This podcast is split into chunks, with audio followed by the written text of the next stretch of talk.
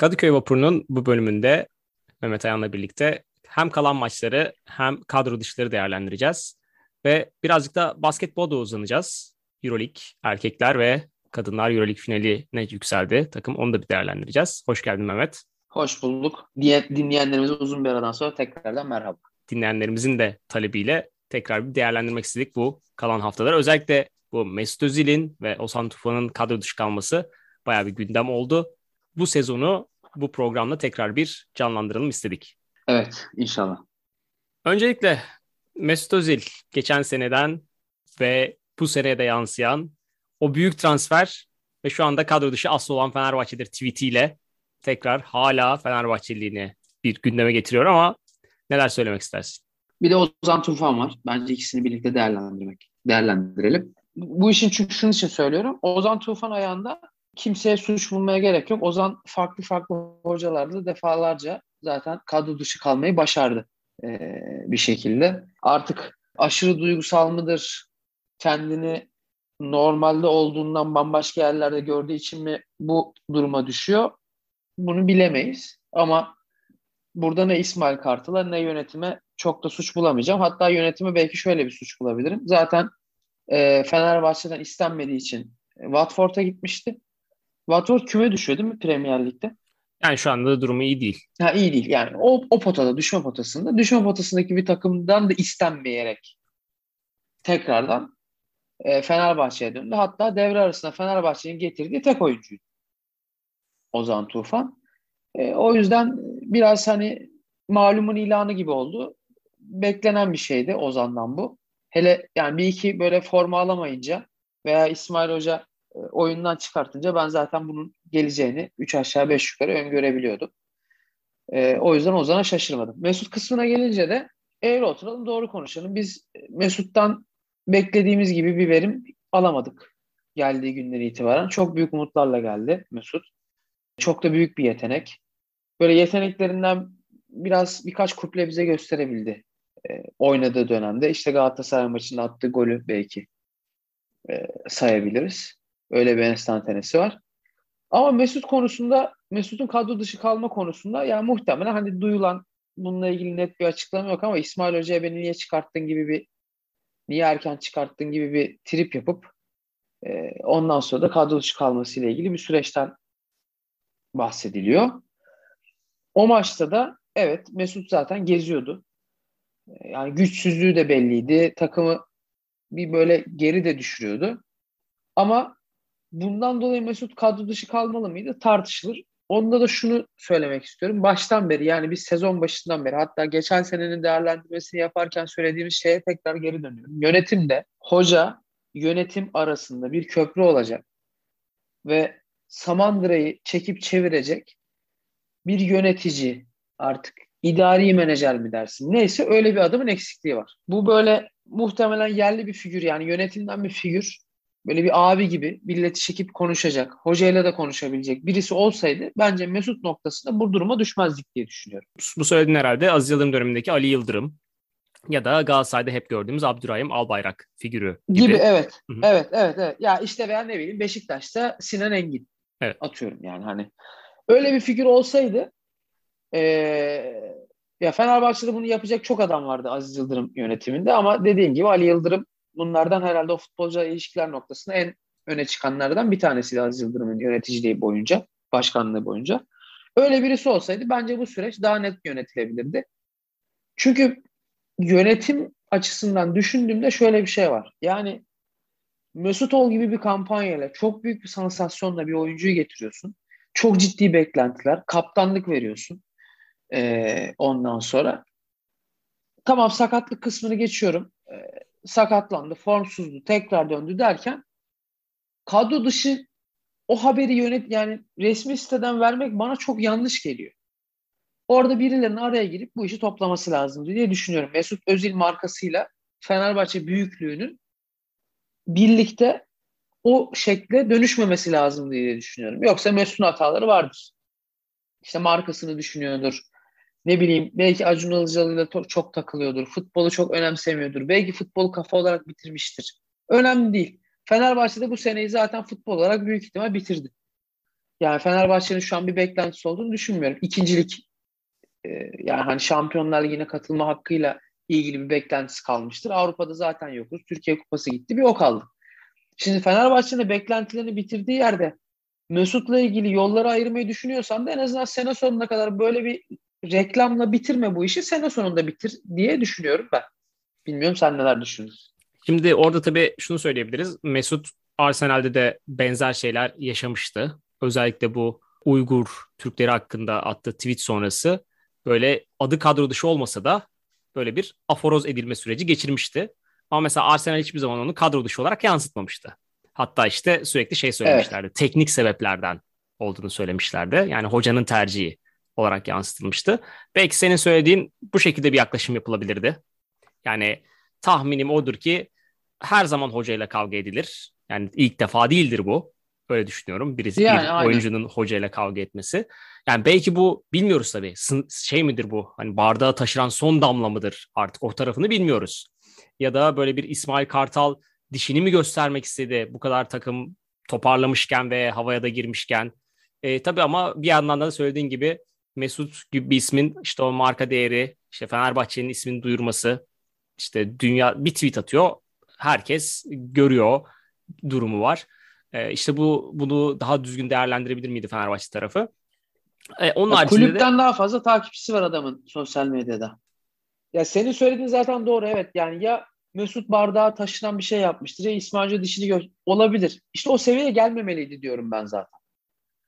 Yani Mesut yaşı geç de olsa hala genç. O yüzden birileri araya girip de ya bak Mesut biz sana böyle böyle bu kadar yatırım yaptık. Ondan sonra taraftarla ilgili böyle bir durum var. Zaten kötü bir sene geçiriyoruz. Bunları idare edelim. İsmail Hoca'ya da gidip hocam biz konuştuk Mesut'la. Tamam sen ne kadar oynatacaksan o kadar oynat. Patron sensin şu an falan deyip misal örnek veriyorum yani. Ama bir şekilde çözülebilirdi. Bunu çözmeden Mesut Özil ile Ozan Tufan kadro dışı. Bana yani yine bir sürecin çok güzel yanlış yönetilmesi örneğini getiriyor. Ki ya mesela o Rıdvan Dilmen'in hep söylediği bir şey vardır.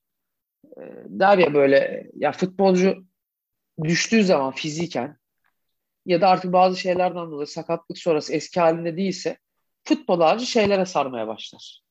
Yani benim düşüşümün sebebi aslında işte o Arsenal'in gibi teknik sebepler değil de bak Uygur Türkleriyle ilgili mesaj attım gibi oluyor bir yerde. Şu anda da aslında işte kadro dışı ile ilgili ne, ne diyor herkes? İşte bak biz de diyoruz kavga etmiştir, şöyle yapmıştır. Bunun bir teknik nedeni yoktur gibi düşünüyoruz.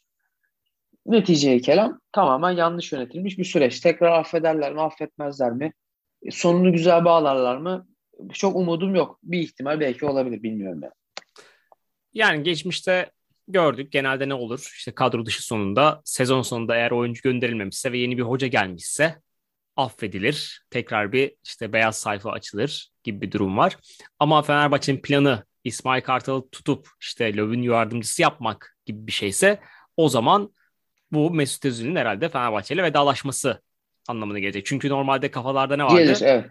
Kafalarda ne vardı? İşte Löw gelecekse Mesut'la zaten Alman milli takımından iyiler. Orada bir güzel bir ikili oluşacak gibi bir kafalarda hayal vardı. Şimdi onun da çöpe atılması demek oluyor bu. Eğer Löw'se. Ama bir, bir, bir, bir yandan da şöyle bir şey var. Yani işte Vitor Pereira Caner tekme tokat ana avrat küfür edip kavga ettiler dedikten sonra Vitor Pereira ile Caner'i birlikte deneyen yönetim bence dener. Mesut'a dener yani. Pereira'yı dinleyip Caner'i sonra yollamışlardı. O da ayrı bir taraf evet. işte. Pereira, Pereira hocamızla ilgili görüşecek miyiz ya? Ya da hoca konusuna girelim mi?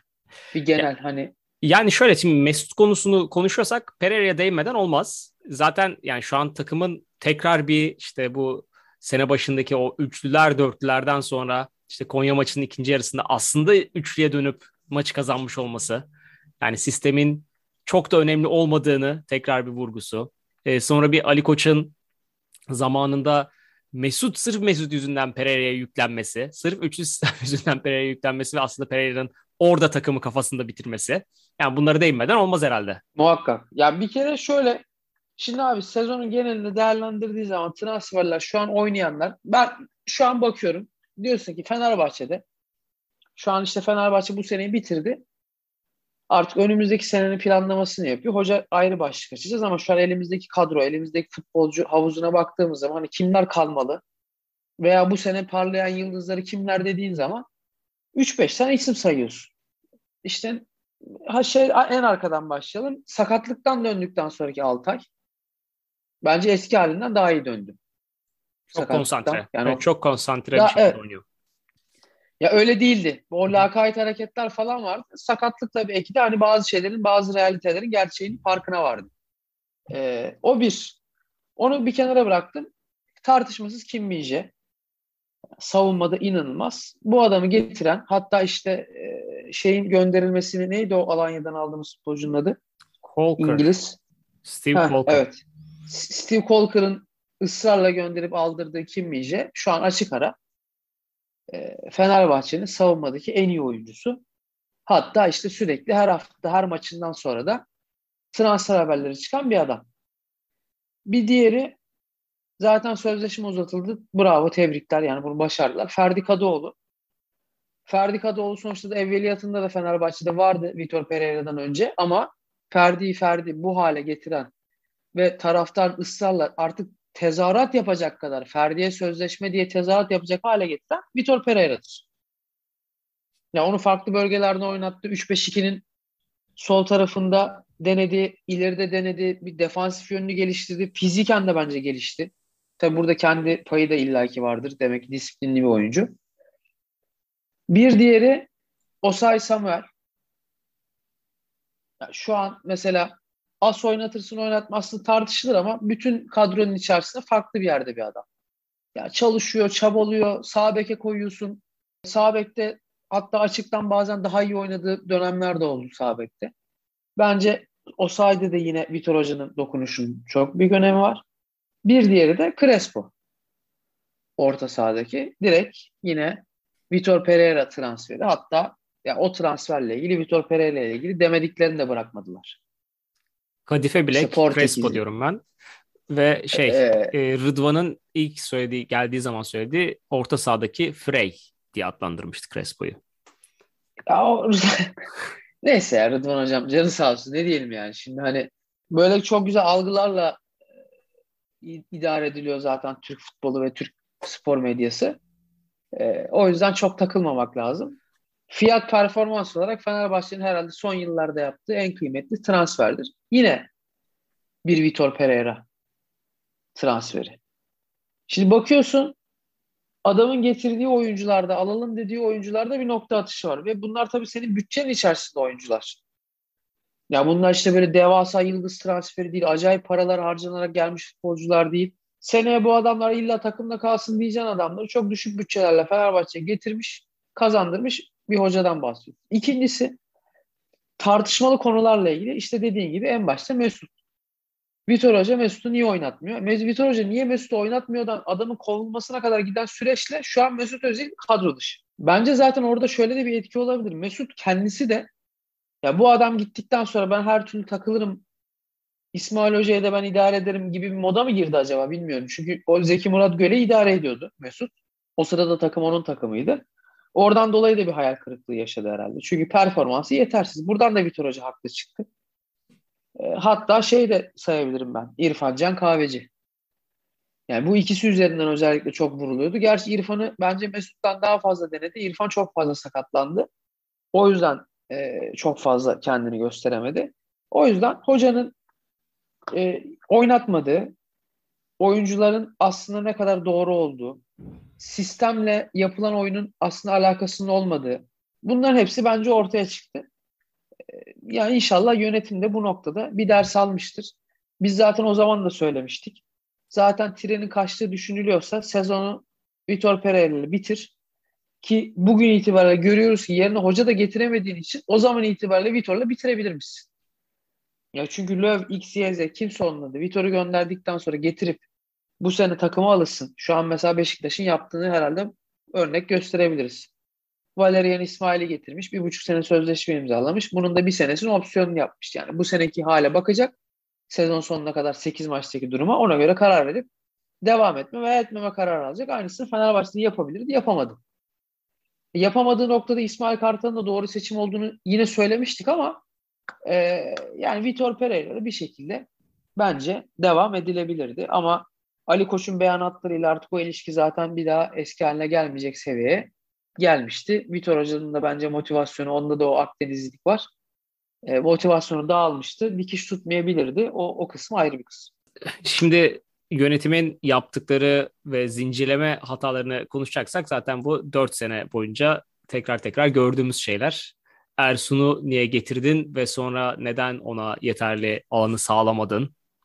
E, ve Ersun'u da aslında baktığın zaman işte bir önceki senenin yarısında getirip sonraki sene yine sene sonunu görmeden mecburen gitmişti Ersun Yanal. Baktığım zaman evet. orada Ersun Yanal kesinlikle o alan sağlanmamıştı. Çünkü bir, birlikte sürtüşeceği çok net olan kişiler takıma doldurulmuştu o zaman da. Yani sürekli bir yanlış bir planlama devamlı devam ediyor. Bakalım şu anda mesela İsmail Kartal büyük ihtimal kafasında şey vardır. Bu kadar iyi gidiyorken işte belki de seneye bana fırsat verecekler gibi bir şey düşünüyordur belki. Ama biliyoruz Yok ki bir ya. yandan da sürekli bir yandan da sürekli şeyler var işte. Löv konusu devam ediyor. Ya İsmail Kartal niye biz İsmail Kartal diyorduk? İsmail Hoca başarılı da olabilir. Bence çok iyi bir Fenerbahçeli. Çok da düzgün bir insan. Sezon sonunda hoca seni yardımcıyla alıyoruz veya seninle devam etmiyoruz deseler de e, böyle çıkıp abuk subuk konuşacak bir insan değil. O değerde bir insan. O yüzden e, İsmail Hoca o yüzden doğru tercihti. Ama dediğin gibi şu an belki de kalan 8 maçta bu yükseliş trendine daha da devam ettirip bir oyun oturtacak. Mesela şey de önemli şu an. Az süre vermesine rağmen geçen seneki Pelkas'tan esintiler izliyoruz şu an Pelkas'tan. Ya bir ara çünkü bu sene öyle bir hale gelmiştik yani kim bu adam diyecek durumdaydık. Şimdi yine o bizim geçen senenin en değerli oyuncusu Pelkas moduna esintiler vermeye hafiften başladı şu an Pelkas. Şunu hatırlatmak lazım. Sene başında o girip penaltı kazandığı ve kaçırdığı penaltı var. Oradan sonra Pelkas inanılmaz düşmüştü. Yani moral olarak tamamen kaybolmuştu ve Pereira da bir türlü onu geri getirememişti. Zaten orada bir Pereira Pelkas arasında da bir sürtüşme olduğu söyleniyor. İşte evet. yer, vermediği, yer, yer vermediği için gibi bir durum. Şu an tabii ki Pelkas'ı tekrar geçen seneki gibi görmek bizim için mutluluk verici bir şey. Kalan Orada İsmail Hoca dokunuşu. Hakkını yemeyelim. Bence şey de yani kart do- dolayısıyla oynamadı son maçta ama Mert Hakan yandaş. Ben hala sosyal medyada veya işte yazar cenahında bazılarının eleştirdiğini görüyorum ama e, Mert Hakan yandaş mesela Ozan Tufan gillerden farklı olarak yani canını dışına takıp oynadığı süre boyunca elinden ne geliyorsa dibine kadar oynayan bir adam. E, ben sanki İsmail Hoca onu da kazandı diye düşünüyorum. Bir diğer isim e, İsmail Hoca'nın yine katkı verdiği Zeiss. Zaten hep hani Zeiss'la ilgili şöyle şeyler var ya ya bir bakıyorsun adam işte işte Zidane gibi oynuyor. Bir bakıyorsun tanıyamıyorsun bu kim falan diyorsun. Yani öyle gel gittiği bir adam. Aslında bir potansiyeli var. O potansiyeli ortaya çıkarttığında böyle acayip işler yapabilecek gibi duruyor. Ama potansiyeli genelde çok aşağı çıkartamıyor. İsmail Hoca bence Crespo'yla iyi bir ikili oluşturtturdu. E, Zeiss'le birlikte. Onu da sanki yani mesela şu an taraftara sorsam muhtemelen çoğunluk Zeiss seneye de kalsın der diye düşünüyorum. Bilmiyorum sen de öyle düşünüyorsun. Ben öyle düşünüyorum. Sen öyle düşünüyor musun bilmiyorum. Evet ben Zayt'sı yani ilk geldiğinde de o, o ikinci yarı gelmişti. Ersun Yenal geldiği zaman gelmişti.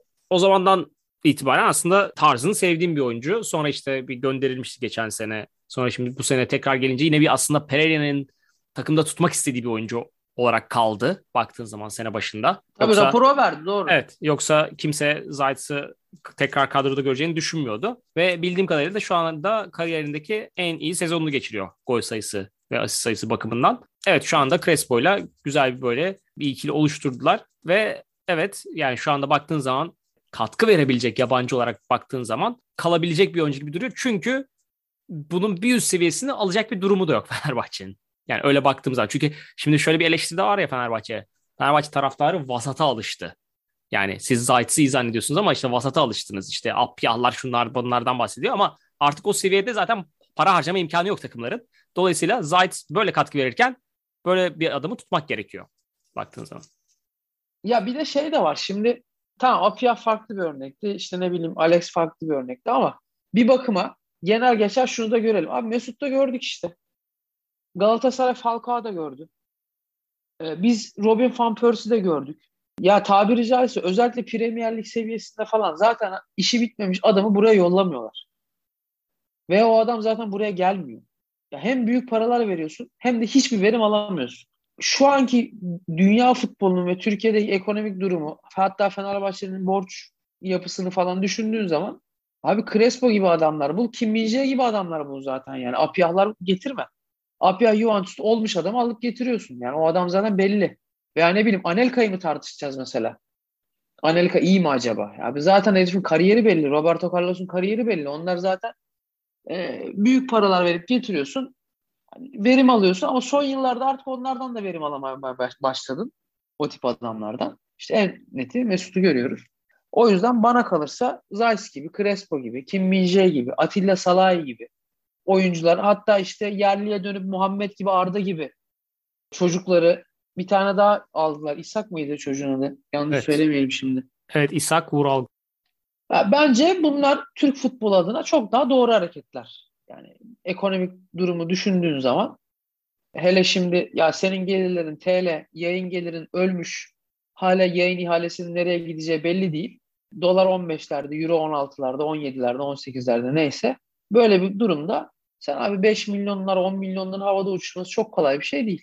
O, onu eleştirmem o yüzden. Yani o vasata alıştırıldığı noktasına da açıkçası çok katılmıyorum. Yani bir yandan da şuna gör, görmek lazım. İşte sözde biliyoruz tamam Fenerbahçe senelerdir belki şampiyon olamamış bir takım ama Türkiye'nin sonuçta en büyük takımlarından bize göre en büyüğü. Ama gidiyor ne oluyor? Slavia Praha tokatlanıp geliyor. Yani böyle Avrupa'nın 3. kupasında. Ve hemen Slavia Prag övgüleri başlıyor. Çok kompakt bir takım, işte çok diriler. Yani Slavia Prag'da eleniyorsa zaten bu lig Avrupa çapında bitmiş demektir. Yani baktığın zaman. Tabii tabii. Ya bu sene işte biraz Galatasaray onlar da hani ligde çok çok kötü işler yapıp Avrupa'da böyle bir şey yapmaya çalıştılar. O da en son zaten Barcelona ile o da o da bitti. Hani bir tane bitiren en azından Barcelona oldu. O bakıma tan ya çok eleştirecek bir durum değil. Galatasaray taraftarı da herhalde çok eleştirmiyordur. Ve gayet de kıran kırana da oynadılar Barcelona'ya karşı. Barcelona kadar ciddiye almıştır almamıştır meselesinden bağımsız söylüyorum. Çok kıran kırana maç yapıldı. Onun dışında Türk futbolu artık Avrupa'da esamesi okunmayan. E işte milli takımın hali ortada. Milli takımı da e, görüyoruz. O yüzden abi altyapıya yatıracaksın. Şimdi bizim yönetimle ilgili eleştirdiğimiz şey ne? Takımın çok net ihtiyaçları varken santrafor, sağ bek, sol bek misal. Mesela bu şu an bağırıyor yani. Acayip ihtiyacı var buna Fenerbahçe'nin. Bunu da oraya gelip katkı verecek adamlarla çözün. Ya scouting'de mi eksiğiniz var? Doğru adamları bulamıyor musunuz? Bir tane menajerlik şirketiyle anlaştınız. Onun dışında hiçbir adamla çalışmıyor musunuz? Bilmiyorum. Ya bir sürü şey söyleniyor sonuçta. Bizim yönetimi eleştirdiğimiz şey abi işte dünya çapında star getirmiyorsunuzdan çok bence Fenerbahçe'ye yakışacak. Ee, ya mesela şey örneğini verebiliriz. Türkiye'de acaba kaç kişi e, bizim Andre Santos vardı ya 2010-2011 şampiyonluğundaki. Evet. Hatta Gaziantep'te attığı gol belki de o, o şampiyonluğu getiren 96. dakikada. Şimdi o adamı kim tanıyordu? Türkiye'ye gelmeden önce. Çok böyle hani geek, futbol geeki olan adamlar belki biliyordur ama onun dışında kimse bilmiyordu. Getirdin. Adam çılgın katkı verdi. Bir de üstüne gitti Arsenal'de oynadı. Buradan çık. Bence bu tip şeyler yapmak lazım. İşte o sahi kıvamında, Ferdi kıvamında, altyapıdan Arda gibi, Muhammed gibi çocuklarla bunlara değer kazandırıp ha, sen eğer hakikaten denildiği gibi işte Atilla'ları e, ne bileyim Kim Minje'yi 30 milyon eurolara falan satıyorsan zaten biraz bütçeni de toparlarsın. Belki biraz daha kalbur üstü bir iki adam daha koyabilirsin. En azından belki forvete hani böyle oturmuş ceza sahası için riske girmeyeceksin. Oraya topu indirdiğin anda sana gol katkısı verecek nokta atışı adamlar alabilirsin belki öyle bir durumda. Ama onun dışında ben yıldızının parlamaya müsait katkı verecek adamlara yönelilmesinin daha doğru olduğunu düşünüyorum. Bence zaten baktığın zaman Fenerbahçe taraftar da bir Pelkas'ın böyle hiç tanınmadan takıma gelip geçen seneki parlamasını daha çok seviyor diye düşünüyorum. Ya da bu seneki Kesinlikle. bu seneki Ferdi vakası gibi. Yani Samuel defansif olarak evet güzel. O ileride ofansif olarak hiçbir zaman beklenen katkı vermedi ama yine de onun da bu gelişimini ki bence bunun sene başında yine konuştuğumuz şeylerden bir tanesiydi. Pereira eğer elindekileri bile bu kadar geliştirecekse kalsın hep diye konuşmuştuk sene başında bunu. Diğer tabii, taraftan tabii, da tabii. diğer taraftan da Andre Santos örneği şimdi evet 2010 2011'de o şampiyonluğa katkı vermişti ama yine aslında o Daum'un getirdiği Brezilyalılardan bir tanesi Andre Santos. Bir sene önce Daum tekrar gelmişti Fenerbahçe 2019. 2019 evet, evet, evet. E, Daum kiminle çalışıyorsa Brezilya'da onunla çalışmak lazım bence. Çünkü Fernando da Oğluyla. bu Fernando da Bursa'ya getiren oydu mesela. Orada Bursa'da gol kralı olmuştu. Daum getirmişti. Daum Bursa'ya yani çalışırken. Benim benim bildiğim kadarıyla Daum'un oğlu menajerlik şirketi var ve Brezilya yani daha doğrusu Brezilya demeyelim de Güney Amerika üzerine çalışıyor. Ve eğri eğri doğruya doğru. Bu adamın getirdiği adamlar hep nokta atışı oldu yani. Çoğundan %90'ından verim aldı. Evet işte o, o kimse o tip bir şeyle çalışmak lazım. Çünkü Fenerbahçe aslında Brezilya pazarında uzun süredir değerlendirebildiği bir pazar değil. Yani o Daum'un getirdiği Nobre Türkiye'de emekli olacak yakında. Andre Santos bile Bolu'yu falan çalıştırıyordu en son. Yani o Daum'un getirdikleri de bir, öyle bir şey oluyor. Türkiye'ye kazandırmış oluyor adam tamamen. ya dedi, dediğin doğru. Biz uzun süredir o taraftan da kopuyoruz. Yani o, o pazardan o pazardan da kopuyoruz. Ama yani sonuçta mesaj belli dediğin gibi. Yani o böyle çok adı sanı aldın getirdin garanti oynayacak. O tip adamlar değil de daha parlamaya müsait, daha bütçemize uygun ama geldiği gibi de katkı verecek. Yani iyice de böyle hani kumar değil. İyice kumarı belki yedek adam için atarsın. Ama az kadroya alacağın adamlarda kumar oynamadan ama çok da böyle üst seviyeye çıkmadan bence konuya eğilinirse bu iş çözülür diye düşünüyorum. Mesela Samuel özelinde de şey var. Bir adam alırsın yedeği olsa bile en azından dersin ya yedekte bu adam var. Sonuçta senin yedeğinin güçlü olması da çok önemli. Bir iki sakatlık yaşıyorsun. Ondan sonra takım zaten alabora oluyor. Nereye gittiğini şaşırıyor. Altay örneğinde olduğu gibi. Yani şu an şu anki performansı üzerinden söylüyorum. Berke'nin oynadığı maçlarda Altay olsaydı herhalde o puanları kaybetmezdik. Evet ve Berke'nin az çok toparlamış olmasına rağmen bunu söylüyoruz. Altay olsa gerçekten daha farklı bir olay olurdu. Bu arada Christian Baroni de Andre Santos'la aynı sene gelmiş. Yine Daum'un getirdiklerinden Baroni'de. E, onun da hala her Trabzon maçı öncesi işte paylaşımlarında bulunuyor herkes. Yani hem hem katkı verdi hem sevildi. Bir de o da öyle de bir şey var yani. Evet. Peki futbolda son 8 maça şöyle bir göz atalım mı? Şimdi önümüzde Kayseri deplasmanı var. Sonra iki tane içeride Galatasaray ve Göztepe maçları. Sonra Rize deplasmanı. İçeride Antep maçı. Beşiktaş derbisi. İçeride Karagümrük maçı ve en son Malatya deplasmanıyla 22 Mayıs'ta ligi bitiriyoruz. Son 8 maç. İkinci bitirebilecek mi Fenerbahçe? Konu bu. Konya'yı geçebilecek mi? Ya şimdi fikstürün kolay değil. Tabii hani o günkü durum itibariyle ne olacağını bilemem ama belki de hani garantili olmuş olabilir. Sonuçta Göztepe de düşme potasında. Rize de düşme potasında. E, hatta şöyle bir bakalım. Rize 26 puanda, 16. 35 puanda. 9 puan var. Yani az buz değil. Göztepe'de 27-35 yine 8 puan var. Yani Göztepe bir sonraki hafta yine kaybedip kaybetse belki de zaten umutlarını yitirmiş. Yeni Malatya zaten düştü muhtemelen. Öyle bir durum var şu an. Yani onlar eğer garantilenirse çok zor bir fikstür gibi değil duruyor. Sadece yani öyle ya da böyle iki tane derbim var. Bir de Beşiktaş yeni bir hoca getirdi. İlla ki onun bir şeyi olacaktır e, gazı olacaktır. E, Fenerbahçe Galatasaray derbisini zaten konuşmaya gerek yok. Biri 15. biri 16. olsa yine bu ülkenin en büyük maçından bahsediyoruz. İkinci ol, olabilir mi? Evet tabii ki olabilir. Yani o ihtimal var. Hele son haftalarda gösterdiği oyunla buradan Fenerbahçe sanki ikinciliği koparabildiği gibi geliyor ama bir bakıma barışma açısından da özellikle Beşiktaş ve Galatasaray derbilerini Fenerbahçe'nin alması lazım diye düşünüyorum. Yani orada bir şey de severiz yani böyle bir iki futbolcu ön plana çıkıp özellikle seneye bu takımda kal mesela işte Galatasaray maçında Crespo gibi. Yani bir iki futbolcunun böyle öne çıkıp o maçları almak önümüzdeki sene açısından taraftarla da böyle biraz barışma açısından bence faydalı olur. Bir de şunu da söylemek lazım. Bir seyircinin havaya girme durumu var şu anda. Ee, özellikle Kesinlikle var. Özellikle Trabzon maçında nihayet orada bir bilet indirimine gitti yönetim. Orada bir tribün dolduruldu.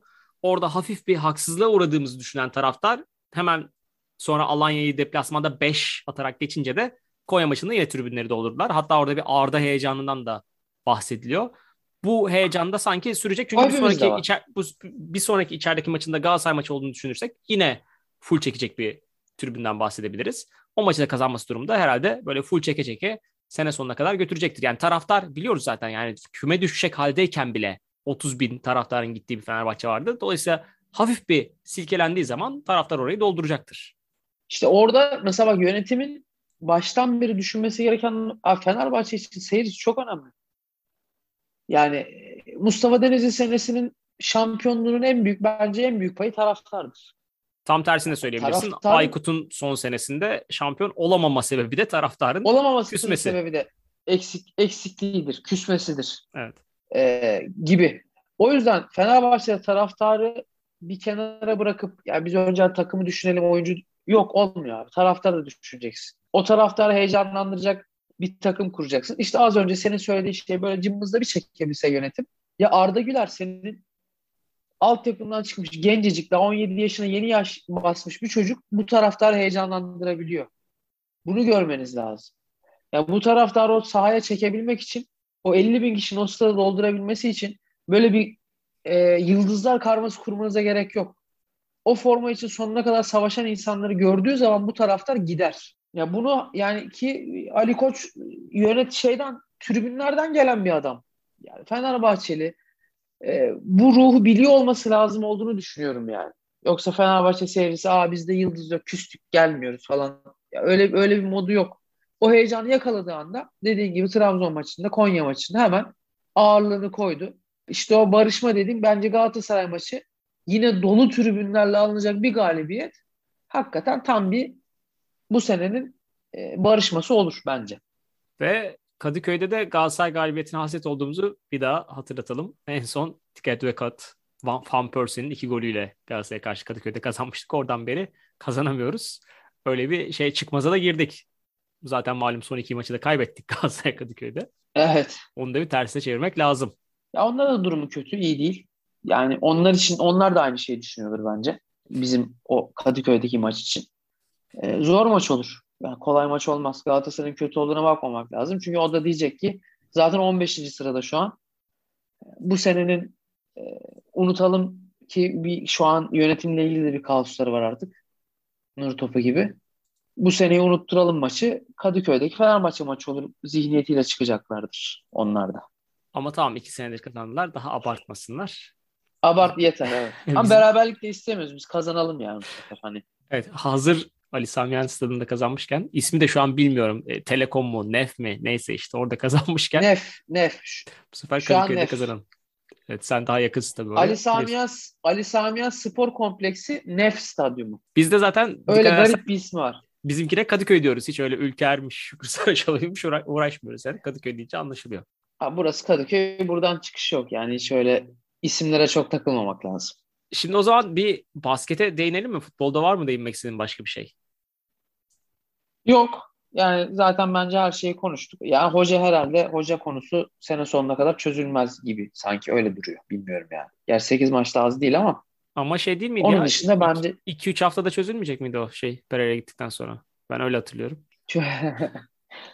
Sayın Başkan'ın zaman kavramıyla bizim zaman kavramımız biraz farklı olabilir. Evet, orada Einstein'ın izafiyet teorisi devreye giriyor galiba. Ali Koç'un haftasıyla bizim haftamız farklı. Farklı. Evet o zaman Euroleague. Evet abi basket bir hava yakalamıştık. Yani baskette geçelim ve öyle bir yani öyle bir hava yakalamıştık ki ki bu geçen sene de oldu aslında bizde. Geçen sene de Kokoşko ile kötü başlayıp böyle inanılmaz bir seri yapmıştık 15 başlık. Aynı onun gibi hatta yani takımın en önemli iki asının Dekolon'un ve Veseli'nin sakat olduğu dönemde Fenerbahçe inanılmaz bir e, hava yakaladı. Ciddi bir galibiyet serisi. İşte Olympiakos'u yendik, Milano'yu yendik, Real Madrid'i yendik. Ee, ben açıkçası diyordum ki biz şeye doğru gidiyoruz. Yani playoff'a kesin gidiyoruz. Final Four ucu açık ama playoff'a kesin gidiyoruz gözüyle bakıyordum. O sırada iki etken. Bir tanesi Pierre Henry'nin sakatlığı. Yani çünkü o ikisinin olmadığı yerde yükü en fazla alan ruh olarak da oyun olarak da. Sadece oyun olarak demiyorum. Guduric'le birlikte o yükü en fazla taşıyan iki oyuncudan bir tanesiydi. Onun sakatlığı ve sonrasında da e, Euroleague'in aldığı saçma sapan neye dayanarak aldıkları belli olmayan bir karar neticesinde adamın maçlarının sayılıp sayılmayacağını oyladığın yerde CSK'da oy kullanıyor.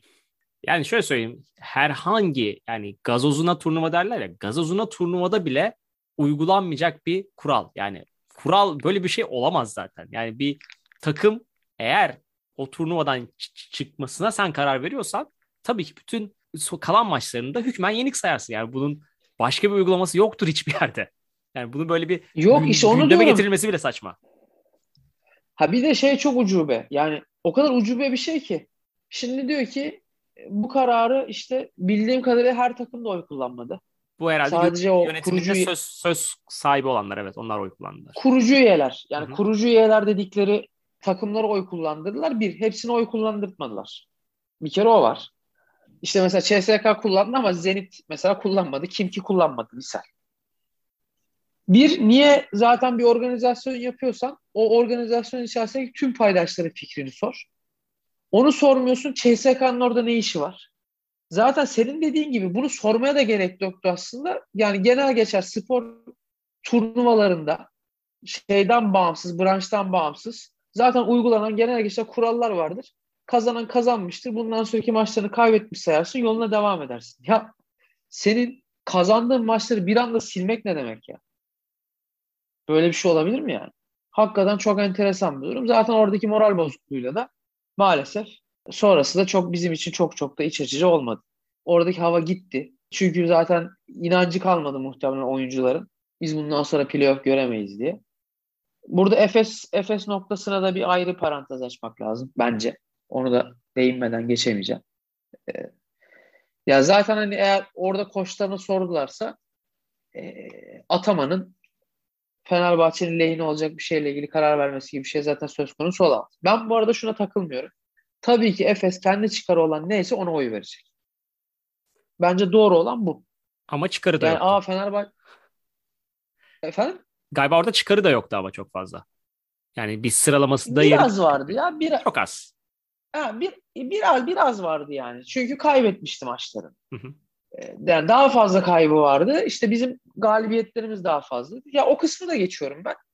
Buradan sadece şu mesajı çıkartmak lazım. Kendi özelimde de söyleyeyim. Ben sana da söylemişimdir muhtemelen. Efes Final Four'a giderken ben hiç istemiyordum kupayı almalarını. Herkes de şey diyordu bana çevremdeki basketbol severler. Ya olur mu falan. Ah olur mu? Ya görün şimdi. Olur mu olmaz mı? Çünkü Efes kendi şeyinde takılan. Başlarında da zaten bence yani Türkiye'deki azılı Fenerbahçe düşmanlarından birinin olduğu bir takım. Ben desteklemem arkadaşım. E, bunda da ülke muhabbeti falan olmaz. E, olmadığını da Efes sağ olsun böyle altını çizdi. Sizin aleyhinize ne olacaksa ona oy verelim mi dedi. Kendi lehini mi düşündü? Ne olursa olsun neticesi bizim aleyhimize oldu. Ve hani bir oyun her şeyi değiştirebileceği bir oylamadan bahsediyoruz. Böyle fark, açık ara farkla falan oylanmadı orası. Evet, evet bir oyla. E, Efes, Efes öbür tarafa verse ters karar olacaktı. Hani Efes'e ters kaldı. karar olacaktı. Hı hı. Ve buradan sonra da Fenerbahçe'nin açıklaması. Biz kendi aramızda onu da konuştuk. Ya sanki yine böyle bir Efes özel... Ya abi sen Euroleague'e niye hiçbir şey söylemiyorsun ya? Yani sadece Efes'le ilgili bir şeyler söylemişsiniz. Onları da böyle çok naif ama hiç kimseyi kırmayalım, üzmeyelim. Bilmiyorum belki e, Sayın Başkan Tunca Özilhan'la arası çok iyidir. E, üzmek istemiyordur. O yüzden böyle naif bir açıklama yapmıştır. Çok iyisi e, o zaman Fenerbahçe. önceden bir telefon etseydi de bir WhatsApp'tan yazsaydı. Değil mi? Ee, şey neticesinde bu Eurolig'in ana sponsoru Türk Hava Yolları. Ve bizim bir sürü markamız işte doğuşu, tadımı, bilmem nesi falanı filanı. Ee, yani herhalde en çok Türk markası vardır Euroleague'de sponsor olan. Evet evet özellikle Fenerbahçe'nin Euroleague'deki bu kadar başarısından sonra tabii Efes'te üstüne tekrar onlar da kupayı aldı.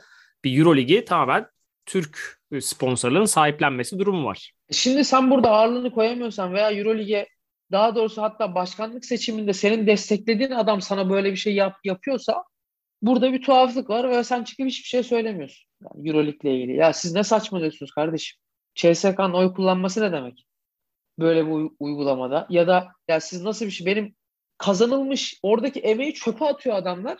Murat Muratanoğlu Duruk'la Cenk Duruk çok güzel bir podcast yapıyorlar. Ya onu takip ediyorum ben Euroleague ile ilgili. Orada hangisini söylediğini unuttum. Dediler ki yani oyuncu şu an şunu hissetti. Biz oraya çıktık, canımızı dişimize taktık. CSK'yı yendik. Şu an o galibiyetimiz çöp oldu ve takımımız bunun arkasında durmadı kulübümüz. Kesinlikle katılıyorum abi. Yani basketbol zaten sen bütçe olarak onların artık çok gerisindesin. Daha zayıf durumdasın. O zayıf duruma rağmen adamlar inançla, canla, başla e, inanılmaz bir seri yakaladılar. Orada çok güzel galibiyetler aldılar Rus takımlarına karşılık ve bunların bu emeklerin tamamı zayi oldu ve senin formasını giydiğin kulüp yöneticileri çıkıp bu konuyla ilgili böyle lay lay lom naif bir açıklamanın dışında hiçbir şey yapmadılar. Sadece Efes'e küstüm oynamıyorum dediler.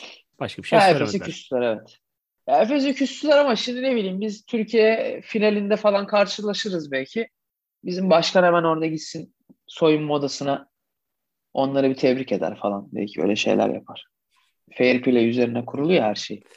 Şu an puan durumu önümde. İmkansız diye bir şey yoktur ama şu an hiç de iç, Yok, iç açıcı gözükmüyor. Çünkü yani herkesin eksik maçı var şu anda. Yani belki önümüzdeki bir tek Baskonya'yı geçebiliriz. Çünkü o 27 maç şu an onun göz, gözüken. Fenerbahçe 24 maçta. Ama 8. sıradaki Bayern Münih'in bile şu anda 23 maçı var. Yani onlar da daha bir sürü maç oynayıp sonuçta bütün herkesin maç sayıları eşit. Biri de, biri de bizimle zaten. O Bayern Münih'in bir maçı da bizimle. Ee, Covid dolayısıyla ertelenen maç. Ya Bayern Münih'teki Covid vakaları yüzünden ertelenen maç. Ya şöyle oldu. Biz zaten oradan sonraki maçları artık şey olmaya başladı yani. O motivasyon gitti Fenerbahçe'de. Zaten bir gol yedik. Hani tam ilk 8'e kendimizi attık derken böyle bir gol yedik. Oradan zaten bir düşmüştük. Ondan sonrasında da zaten şu an artık hani o düşmeyle gidiyoruz. Tabii ki dediğim gibi yani hiçbir şey imkansız değil. Ee, ben Fenerbahçe basketbol takımına ya buradan sonrasında ne yapacaklarını çok önemsemeden bugüne kadar yaptıkları her şey için bir taraftar olarak çok teşekkür ederim yani.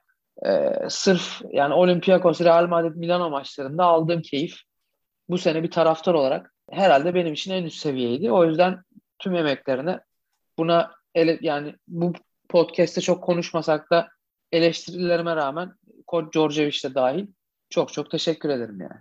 Evet şimdi o zaman buradan kadın Euroleague'e geçebiliriz. Onlar da çok alışık oldukları bir yerler aslında. Yine Final Four'a kaldılar. Ve Dokuzuncu kere mi? Bu sayıyı biliyor musun? Dokuz olması lazım. Dokuz evet. Çünkü seninle daha önce konuştuğumuzda biz sekizi konuşmuştuk. Bu dokuzuncu Final Four olması lazım ve maalesef şu ana kadar hiç kazanamadılar Euroligi. Bir de evet. fi- final de ciddidir. Yani bayağı da final gördük diye biliyorum ben. O finallerinde çoğunu işte bu Rus takımına kaybettik ve Rusların da şu an çekilmesi birazcık sanki önümüzü açtı gibi. Yine de tabii ki Fenerbahçe ikinciliklerin takımı olduğu için bizim bir çekincemiz var. Yani yarı finalde Prag'la, Çek takımıyla USK Prag'la oynayacak Fenerbahçe 8 Nisan'da. Öbür tarafta da Avenida ve Sopron basket takımları diğer yarı finali oynuyorlar ve finalde 10 Nisan'da yine Ülker Sports Arena'da olacak. Kendi sahamızda olması belki bir umut. Yani aynı erkekler Euroleague'de, Euroleague'de tabii, erkekler tabii, Euroleague kazanmamız gibi belki onu tekrar edebiliriz. Bu arada yanlış anlamasın ilk defa olmuyor bu. Yani Final Four'un da İstanbul'da olduğu çok oldu ama bir türlü kazanamamıştık. Tabii, tabii. Belki bu sefer işte dediğimiz gibi Rus takımlarının olmaması, özellikle Ekaterinburg'un olmaması belki bir burada önümüzü açar. Geçen geçen onlara kaybettik herhalde. Evet onlara bir daha önce de defalarca kaybetmiştik. ben öyle hatırlıyorum. Bir, bir, bir öncekini de onlara kaybettik. Hı hı. Ee, ya Euroleague özelinde yani kadın erkek fark etmez sizin. Bizde şöyle bir şey oluyor. Tabii Türkiye'deki finali Fenerbahçe erkek basketbol takım kazandı ama işte Almanya'daki final, İspanya'daki finalde de yine Türk seyirci maksimum oluyordu. Diğerlerine göre. Ya hatta işte yani Obradovic'in bile bununla ilgili birçok deplasmanla ilgili veya Final Four'la ilgili övgüyle bahsettiği şeyler vardı. Yani tarı nereye gitsek Fenerbahçe taraftarı var zaten. Hatta böyle şey CSK ile komik maçlar falan var. Çok dolu değil tribün bayağı Fenerbahçeli var. Öyle durumlar oluyordu. Ama ya kendi evin Fenerbahçe seyircisi Avrupa'nın neresinde olsa kendi evinde hissettirirdi Fenerbahçe takımını. Ama yine de bir avantajdır tabii ki. Yani kendi sahanda oynuyorsun. İnşallah bu sefer şeytanın bacağını kırarlar. Yani ben artık hak ettik diyorum ya. Yani 9 kere Final Four yapıp işte CSK'nın bizden aldığı kupada CSK'nın 14. Final Four'uydu bildiğim kadarıyla. Oradan sonra aldı. Yani çok olanak dışı bir şey değil. Evet olabiliyor böyle uzun seriler. Bizde sadece biraz talihsiz seriler oldu. Yani biz işte 9 kere oynarken arada Galatasaray bizde final oynayıp aldı kupayı. Öyle bir öyle bir durum da var. O yüzden inşallah bu sefer şeytanın bacağını kırarlar. Desteğimiz kadın basketbol takımımız olacak diyelim. Ve sonra da hemen orada kapatıyor muyuz? Çünkü öyle bir durum oldu ya Fenerbahçe erkekler Euroligi aldıktan sonra maalesef Küçük, biraz yavaş yavaş evet, küçülmeye gitti. Şimdi burada da belki bayanlar o yüzden almıyordur belki kadın basket takımı. Şey Kapatmasınlar şey diye. Evet, evet sürekli o, umud, o umudu taze tutalım. Hep finale çıkalım. Ya bilmiyorum bir sürü böyle amatör branşla ilgili söylentiler çıkıp duruyor. Ee, yani sen bunun üzerine mi söyledin bilmiyorum ama galiba voleybol takımları ile ilgili de bu sene sonunda böyle bir iddia çıkmıştı. Biz yani yıllardır spor kulübü olmakla övünüyoruz. Olimpiyatlara en fazla sporcu gönderen spor kulübü olmakla övünüyoruz. Ee, tamam yani anlayabiliyorum bazı şeyleri. Harcadığın para kadar belki dönüşü olmuyor sana. Ee, ama sonuçta bir futboldaki bir futbolcunun seni çöp diyebileceğim bir futbolcunun transferi muhtemelen birçok amatör şubeyi zaten 2-3 e, yıllık masrafıdır diye düşünüyorum. Bir de Fenerbahçe seyircisi de bu konuda ciddi ilgili. Kimse şöyle bir serzenişte bulunamaz. İşte ya ben atıyorum bayan voleybol maçı olduğu zaman açıyorum bakıyorum dolu tribünler. Kadın basketbol dolu. Erkek basketbol zaten dolu. Ee, erkek voleybol ya çok sempatik yabancılarımız falan da var. Futbol maçlarına geliyorlar. Böyle bir orada da bir aile bütünlüğü var. Ya bizde herhangi bir başkan yönetici şunu da diyemez. Ya bu iyi yatırıyoruz ediyoruz ama kimse ilgilenmiyor, sallamıyor da zaten. Gibi bir durum da yok. Fenerbahçe seyircisi kulübün içerisinde hani kaldırımda oynasanız sarı lacivert formayla orada takip ederiz. Şiarıyla her yerde desteğini göstermeye devam ediyor. İnşallah öyle bir şey olmaz. Yani kadın basketbol için veya bizim voleybol veya diğer branşlar için hiçbirinde olmaz. FB TV kapanıyormuş herhalde. YouTube'a geçiş. Onu diye bir, ha, onu aramızda konuştuk ama hani yüzde yüzleştirdiler mi bilmiyorum. O, o haberi de şey yaptık mı, gördük mü hani netleşti mi bilmiyorum ama Fenerbahçe TV'de kapanıyormuş, YouTube'a geçiyormuş. Yani o da diğer kulüplerin zaten yaptığı bir şey. Fenerbahçe TV tabii bir semboldü. İlk Türkiye'deki ilk spor kulübü televizyon karasal, olarak. Karasal yayın yapan bir de hani. Evet zaten oradaki frekansı büyük ihtimalle şu an artık kullanmak istemiyorlar. Tabii yani dijitalleşmeye geçiş her yerde var. Ee, YouTube'da aynı şekilde kaliteyi devam ettireceklerse geçebilirler. Ama tabii ki bir sembolü kaybetmek demek oluyor bu. En azından belki TürkSat da yerini koruyabilirdi. Frekansta olmasa bile. Ama bir de şey geçiş yapılmıştı tabii oradaki ben şey bilmiyorum. Verilerle ilgili hiçbir fikrim yok. Şu an Fenerbahçe YouTube kanalının paralı bir bölümü var. Her şeyi izleyemiyorsun zaten. Hı hı. Ee, bazı şeyler işte maç arkası, maç önü, ne bileyim otobüsteki röportajlar falan filan. Bir aylık bedel ödeyerek bunları izleyebiliyorsun. Ee, oradan yani iyi bir dönüş yakaladılar belki de o yüzden böyle bir karar almıştı olabilirler. Ha, yani çok burada böyle yüzde yüz dediğin gibi sadece sembol olması dışında böyle çok eleştirilecek bir şey ben de bulamıyorum. Çünkü dünya dijitale dönüyor. E, artık insanlar TV seyretmiyor, dijital platformları, platformları seyrediyor. Hatta işte ya haberler bile birçok gazeteci bile e, YouTube'da televizyonun olduğundan çok daha etkin ve insanlar oradaki haberleri takip etmek yerine gazetecilerin YouTube kanallarını e, takip etmeye e, başlıyorlar. Hem işin ritük, sansür kısmı e, kurtulmuş oluyorlar. Hem de daha özgürler ve büyük ihtimal daha maliyetsiz. Yani bir stüdyonun içerisinde bunların hemen kaydı yapılıp web ortamına atılabiliyor. Çok çok eleştirilecek bir şey değil. Sadece ilk olması, sembol olması, onun kaybedilmesi. Ama bakalım göreceğiz. Yani bakalım tam olarak nasıl bir şey yapacaklar. Onu herhalde onu da sene sonunda görürüz diye düşünüyorum. Bayağı uzun aradan sonra bir içimizi döktük sanki. Evet Kadıköy Vapuru Marmara'da kaybolmuştu. Tekrar yolunu buldu. İskeleye doğru yanaştırıyoruz.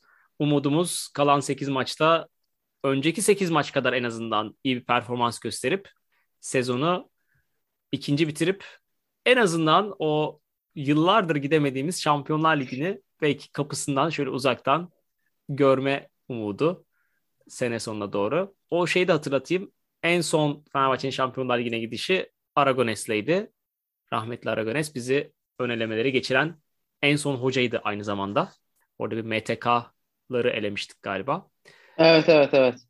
Oradan beri 2008-2009 sezonu oradan beri Şampiyonlar Ligi'ne tabii ki arada 2011 sonrası hak edip gönderilmediklerimiz var.